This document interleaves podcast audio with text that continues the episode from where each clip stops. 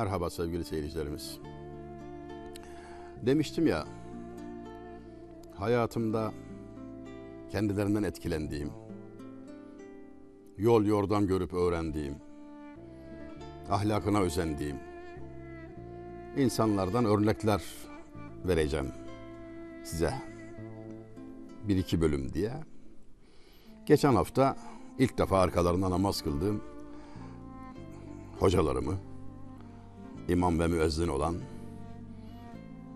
benden iki nesil geriden gelen hocalarımı karınca kararınca anlatmaya çalıştım.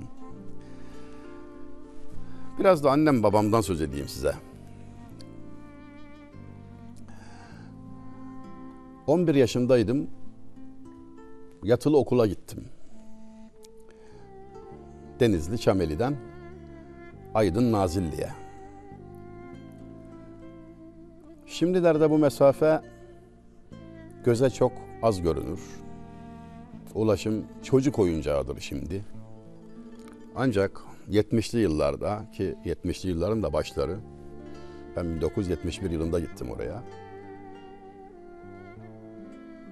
O kadar zor 72 yılında. O kadar zor ve o kadar meşakkatli bir mesafedir ki bir defa ilçenizden oraya kalkan araç en son sabah 5'te 6'da biter. Bugünlerde hiç alışık olmadığımız ulaşım biçimi. 110 kilometre yol Denizli vilayete kadar 3 saatte biter. Yollar berbat. Herkes hasta olur. Araba dokunur insanları, araba tutar öyle derdik. Araba tutmasına dair ilaçlar satılırdı otogarlarda. O ilaçtan alırsınız mideniz bulanmaz falan gibi yani. Hemen herkese aynı şey olurdu. Çünkü fena halde sarsıntı var. Mazot kokusu var. Toz var filan. Denizli'ye gelmekte de iş bitmiyor. Oradan Aydın'a, Nazilli'ye doğru gideceksiniz. Ben Nazilli'de ortaokul ikinci sınıfta yatılı talebeyim. O yıllarda para da çok az biliyor musunuz? Yani sevgili gençler böyle şeyleri duymak sizin canınızı sıkar biliyorum ama yani bir kulak verin haberiniz olsa fena olmaz. Zarar etmezsiniz. Hakikaten çok az para yani. Bir yola çıkmak için günlerce bazen haftalarca hesap yapmanız gerekiyor. Onun parasını kaynağını bulmanız gerekiyor. Yatılı okulda eğer cebinizde harçlık yok, paranız bitmiş ise ve bir pazar günü arkadaşlarınız çarşıya çıkmış da siz de çıkamamış iseniz yalnızlığın nasıl bir şey olduğunu çok güzel anlarsınız.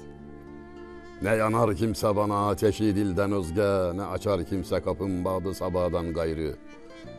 Fuzulül'ün beyti burnumun direğini sızlatırdı.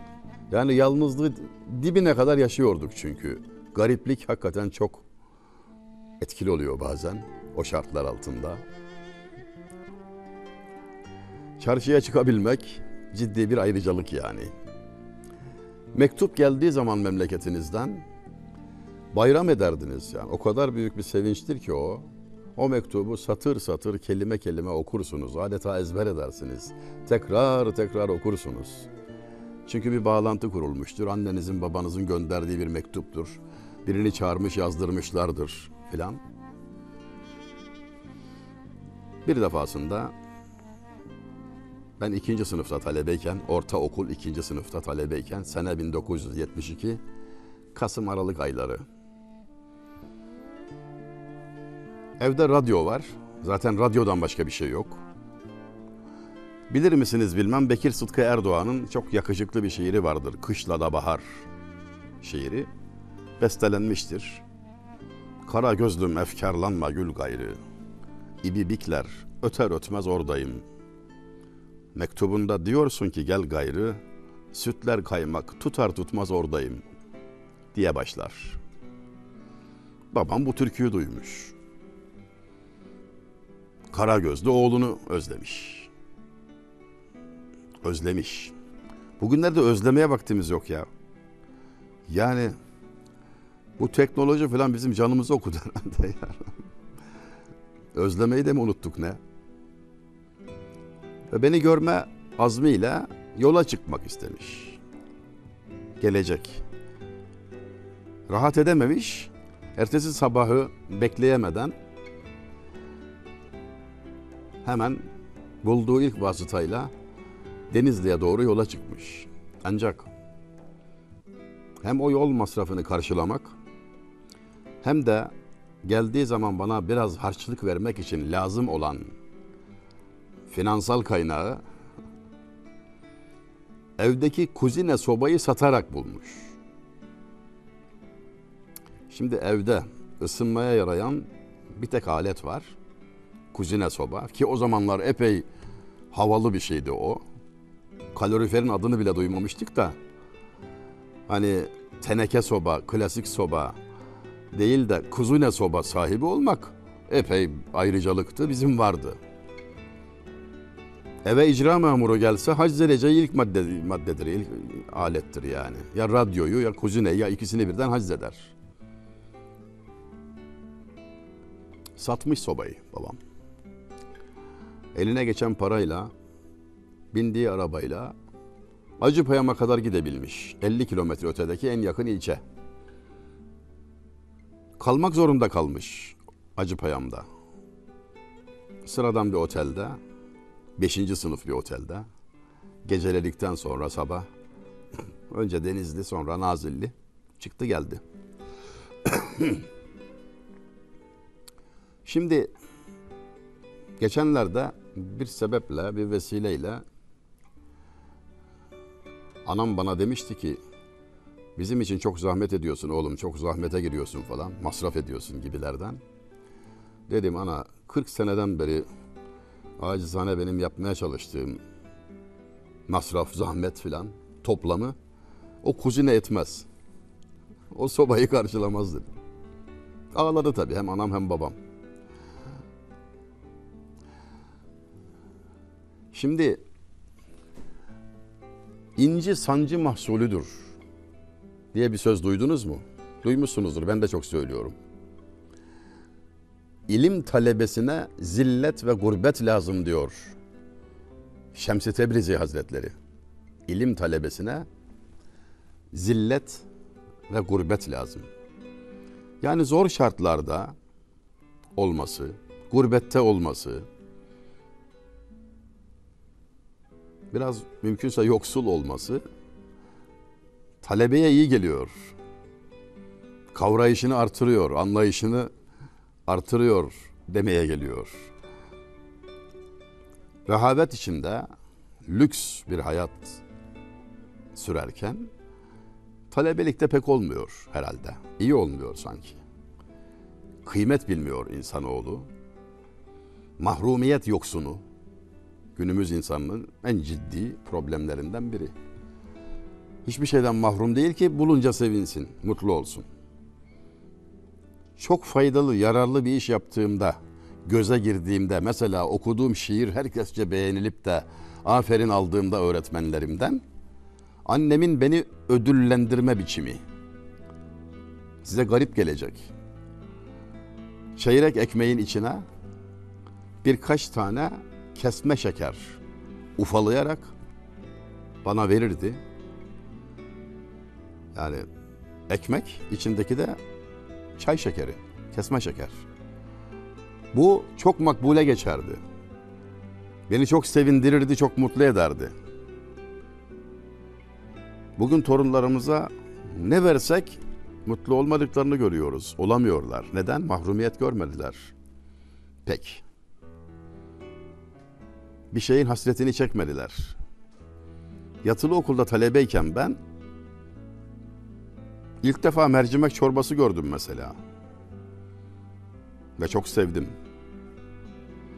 Sabah kahvaltısında isim söylemeyeyim reklam olmasın bir margarin yağı o zamanlar çekinilmezdi böyle şeylerden markanın adı yazılırdı. Yanında şöyle birazcık yarım çorba kaşığı kadar gül reçeli verilirdi. Ve kocaman bir kazanda kaynatılan çay plastik bardaklarda dağıtılırdı. Bizim için mükemmel bir sofraydı. Heyecan duyardık. Koşa koşa giderdik. O margarin, reçel ve çayın oluşturduğu kahvaltıya. Bugün 40 çeşit kahvaltılıkla masaya oturup mutsuz olarak kalkan nesillerle karşı karşıyayız. Kabahat biraz da bizde. Hatırlatmıyor, yaşatmıyor ve üstelik, üstelik ben görmedim çocuğum görsün gibi şeyler söylüyoruz. Doğru mu? Yapıyor muyuz böyle şeyler? Sanki. Ben yaşamadım çocuğum yaşasın. Öyle mi? Ben görmedim o görsün. Hayatın zorluklarına hiç alıştırmadan, emeğin kıymetini göstermeden, daha çocuk acıkmadan ağzına tıkarak, çocuk açlığı, üşümeyi, bir şeyden mahrum kalmayı görmeden büyüyor. Sanki biz inşa ediyoruz gibi. Çocuklardaki bu şikayet ettiğimiz haleti de biz inşa ediyoruz yani. Çarşıya çıkıp herhangi bir şeyi yani mesela bir leblebi satın alabilmek, bir şeyler bulup bir, bir dondurma almak mesela ek, ekstra bir şeydi yani çok kıymetliydi. Arkadaşlıklar güçlüydü. Mahrumiyet şartlarında arkadaşlıklarla sağlam oluyor. Şimdi hala onlardan bazılarıyla görüşürüm. Çok ünlü olanları da vardır. Hadi birini açıktan ilan edeyim. Önceki dönem MÜSİAD Genel Başkanı Nail Olpak bu süreci benimle beraber yaşayanlardandır. Yatılı okulda 5 yıl boyunca beraber olmuştuk. Örnek aldığım güzel insanlardan biri de odur. Nedir derseniz mesela lise yıllarımızda her türlü fırtınaya maruz kalırdım ben. Çok çabuk etkileniyorum demek ki. İdeolojik fırtınalar. Aman Allah'ım. Hepimiz bir şeyist olmuştuk yani. Devrimler falan yapacaktık. Bazı alışkanlıklara hemen kapılırdık. Giderdik kahvelerde falan vakit geçirirdik. Bu dostum Nail Olpak hiçbirine zerrece eğilim göstermeden, bir tane sigara bile içmeden büyük adam olacağı o zamandan belliydi. Ve nitekim çok büyük başarıyla İTÜ'ye gitti, İstanbul Teknik Üniversitesi'ne. Çok başarılı bir mühendis olarak. iş hayatında da ömrü boyunca hep çok başarılı oldu. Allah daim etsin. Ona bakar imrenirdim. Kendimden de utanırdım işin doğrusu. Çünkü ben çok yalpa yapıyorum. O maşallah istikametini hiç bozmuyor. İdi. Memleket meseleleriyle uğraşırdık. Her şeyi çözmeye heves ederdik. Anlamadığımız bir şey yoktu. Dünya siyasetini de bilirdik. Biz memleket iç siyasetimizi de bilirdik. Bize verseler 24 saatte bütün dünyayı hizaya getirecektik. Her şeyin çaresi bizdeydi. Ne kadar iddialıydık. Ne kadar çok şey biliyorduk. Ne kadar dertliydik. Devamlı okurduk. Devamlı okurduk. Bazen böyle komik durumlar da olurdu. Mesela Cengiz Aytmatov'un bir iki romanını okudum ben. Sosyalistiz ya. İsminin sonunda da Ov var, Aytmatov. Onu sosyalist zannettik, okuduk. Çok etkilendim romanlardan. Selvi Boylum Al Yazmalım başta, Beyaz Gemi, Dişi Kurdun Rüyaları. Sonradan öğrendik ki sondaki o o manaya gelmiyormuş. Sovyetler Birliği vatandaşı ise de halis muhlis Müslüman Türk. Sonradan öğrendik. Sonra bir roman yazarı Çelo isimli bir romanıyla ödül almıştı. Bizim fikir dünyamızda ödül aldıysa birisi solcudur. Abbas Sayar'ı da çol, solcu zannetmiştik. Yılkı Atı, Çelo isimli romanlarını okumuştum. Orada da yanıldığımızı sonradan fark ettik. Çok esaslı divan şairi olduğunu da hayli geç de olsa öğrenmiş oldum. Yozgatlı Abbas Sayar. Hani böyle garip hallerimiz de vardı. Sokak kavgaları, yazılar yazmalar sokaklara, kahrolsun bilmem ne, yaşasın bilmem ne falan. Çok farklı. Günümüz insanından çok farklı. Mesela 1977 yılında artık ben lise son sınıftayken bir genel seçim öncesi bir siyasi partinin lideri Aydın merkeze gelmişti. Bir miting yapmıştı. Yer yerinden oynadı. Rivayet o ki 100 bin kişi toplanmıştı meydana. Biz de oradaydık. Çok esaslı sloganlarımız vardı.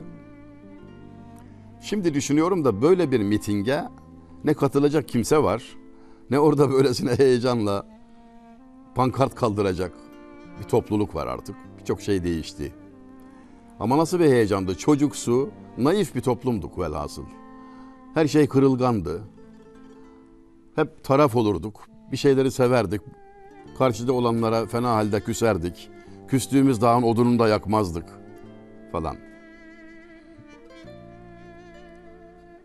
Bir öğretmenim vardı. Samimi, dindar, güler yüzlü, hiç incitmeden bizi bilgiye doyuran bir örnek öğretmendi. Ondan o kadar istifade ettim ki onun dersi geldiği zaman adeta nefes alırdım, bir kendime gelirdim. istifade ederdim. Şimdi bize düşen bu işte. Yani anne olarak, baba olarak, öğretmen olarak çocuklarımıza, öğrencilerimize, bizi takip edenlere numune olmak çok ciddi bir görev. Nasihat etmeyelim belki ama örnek olmak zorunluluğumuz var. Henüz yeni başladığında yatılılık hayatım zor geldi evden ayrı kalmak. 11-12 yaşında bir çocuğun evden uzakta olması hakikaten önce bir ağır geliyor. Ama işte öyle yetişiyorsunuz zaten. Birinci veya ikinci gelişimde eve ağlayarak bir arzda bulundum. Anama bir dilekçe verdim. Ben gitmeyeceğim ana dedim, okula dedim. Ayrılık bana zor geldi dedim. Burada da var ortaokul, burada okuyacağım dedim. Meseleyi de çözüyoruz yani. Hakikaten var, ilçede okuyabilirim. Anamdan aldığım ders hala kulaklarımdadır, kulağıma küpedir. Bana şöyle söylemişti. Oğlum, irezil olmadan vezir olunmaz. Rezil olmadan vezir olunmaz. Yani sıkıntı çekmeden yüksek başarılara erişemezsin. Bir şey elde edemezsin. Sabretmelisin manasında. Çok sonra Şeyh Galip'ten bir beyt olarak gördüm. Her zilletin elbette bir izzet var içinde. Seyret çehi kenanı ne devlet var içinde. Her sıkıntı, zillet, düşüş bir yükselişin habercisidir. Her zilletin elbette bir izzet var içinde. Bak Kenan kuyusuna Yusuf aleyhisselam düştü kuyunun dibinden çıktı Mısır'a sultan oldu. Düşen çıkar, inen yükselir manasında. Tabi anamın Şeyh Galip'ten haberi yoktu. O klasik eğitim tarzıyla, ecdattan tevarüs edilen anlayışla, kulaktan dolma bilgilerle ve fakat sağlam, sapa sağlam bir yaklaşım içinde hem hayatın zorluklarına tahammül etmem gerektiğini, hem başarının zahmetsiz olmayacağını, incinin sancı mahsulü olduğunu ve hem de her vesileyle başkasının hakkını asla el uzatmamam gerektiğini bana öğretmesini bildi. Okuma yazma bilmeyen bir insandan aldığım dersleri söylüyorum. O yıllarda dedemle sıkça görüşürdüm. Aramız iyiydi rahmetliyle. Bir taraftan da din bilgilerini öğreniyorum ya.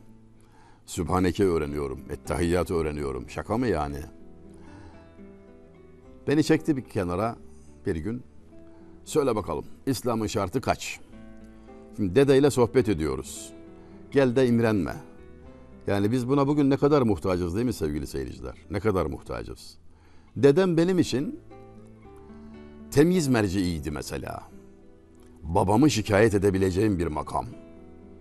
Bulunur devlet değil. Diyelim babamdan şikayetim var. Onu dedeme söylerim. Dedem de gereğini yapar. Zaten dedem hep benim tarafımı tutardı. Dede ile torun birbirini niye sever diye sordum da Arif bir zata, ilim sahibi, Vanlı bir büyüğüm de çok severdim. Düşmanımın düşmanı dostumdur. Hükmü mucibince dede torunu sever derdi. Yani babanla aranda ihtilaf var ama babanın da korkacağı biri var bunu biliyorsun. Ki benim evladım tarafından bana karşı da bu silah kullanılmıştır. Bazı yanlışlarımı düzeltmesi gerektiğinde dedeme söyleyeceğim derdi. İrkilirdim. Onun da hoşuna giderdi. Ben korkuyorum ya birinden. Yani üç nesli bir arada tutan o büyük aile tipini uzaklarda bırakmakla iyi etmedik. Elden geldiği kadar buna gayret etmeli, çalışmalıyız bana sorarsanız. Evinizde bir yaşlı bir aile büyüğü varsa, ona hizmet etme imkanınız varsa veya onun evinde ona hizmet edebiliyorsanız çok bahtiyarsınız. Paha biçilmez bir servetin sahibisiniz. Kıymetini bilin bence. Yarın arasanız da bulamayacağınız bir şeyden bahsediyorum çünkü. Çekti beni dedem bir kenara. Söyle bakalım İslam'ın şartı kaç? E ben de gayet rahat, çok iyi bildiğim bir ders olduğu için sayı verdim. Kelime-i şehadet getirmek. Namaz, oruç, hac, zekat saydım. Savmu, salat, haccü, zekat diye de böyle edebi biçimde saydım. Bir aferin bekliyorum. Aldık gerçi aferin ama dedem beni zorlamaya başladı. Söyle bakalım altıncısı ne? Ya dede bunun altısı olmuyor. Burada beş. Altı olan imanın şartı. İstersen onu da sayayım diyorum. Bahsi değiştirip bir aferin daha alırım hevesiyle. Ama dedem ısrar ediyor. İslam'ın altıncı şartını soruyorum sana. Yok dede dedim. Direndim. Direndikçe hoşuna gidiyor dedemin. Aferin oğluma. Oğlum bilirmiş dedi. Yok dedi. Doğru. İslam'ın şartı beş. Altıncısı büyük küçük haddini bilmektir evlat dedi.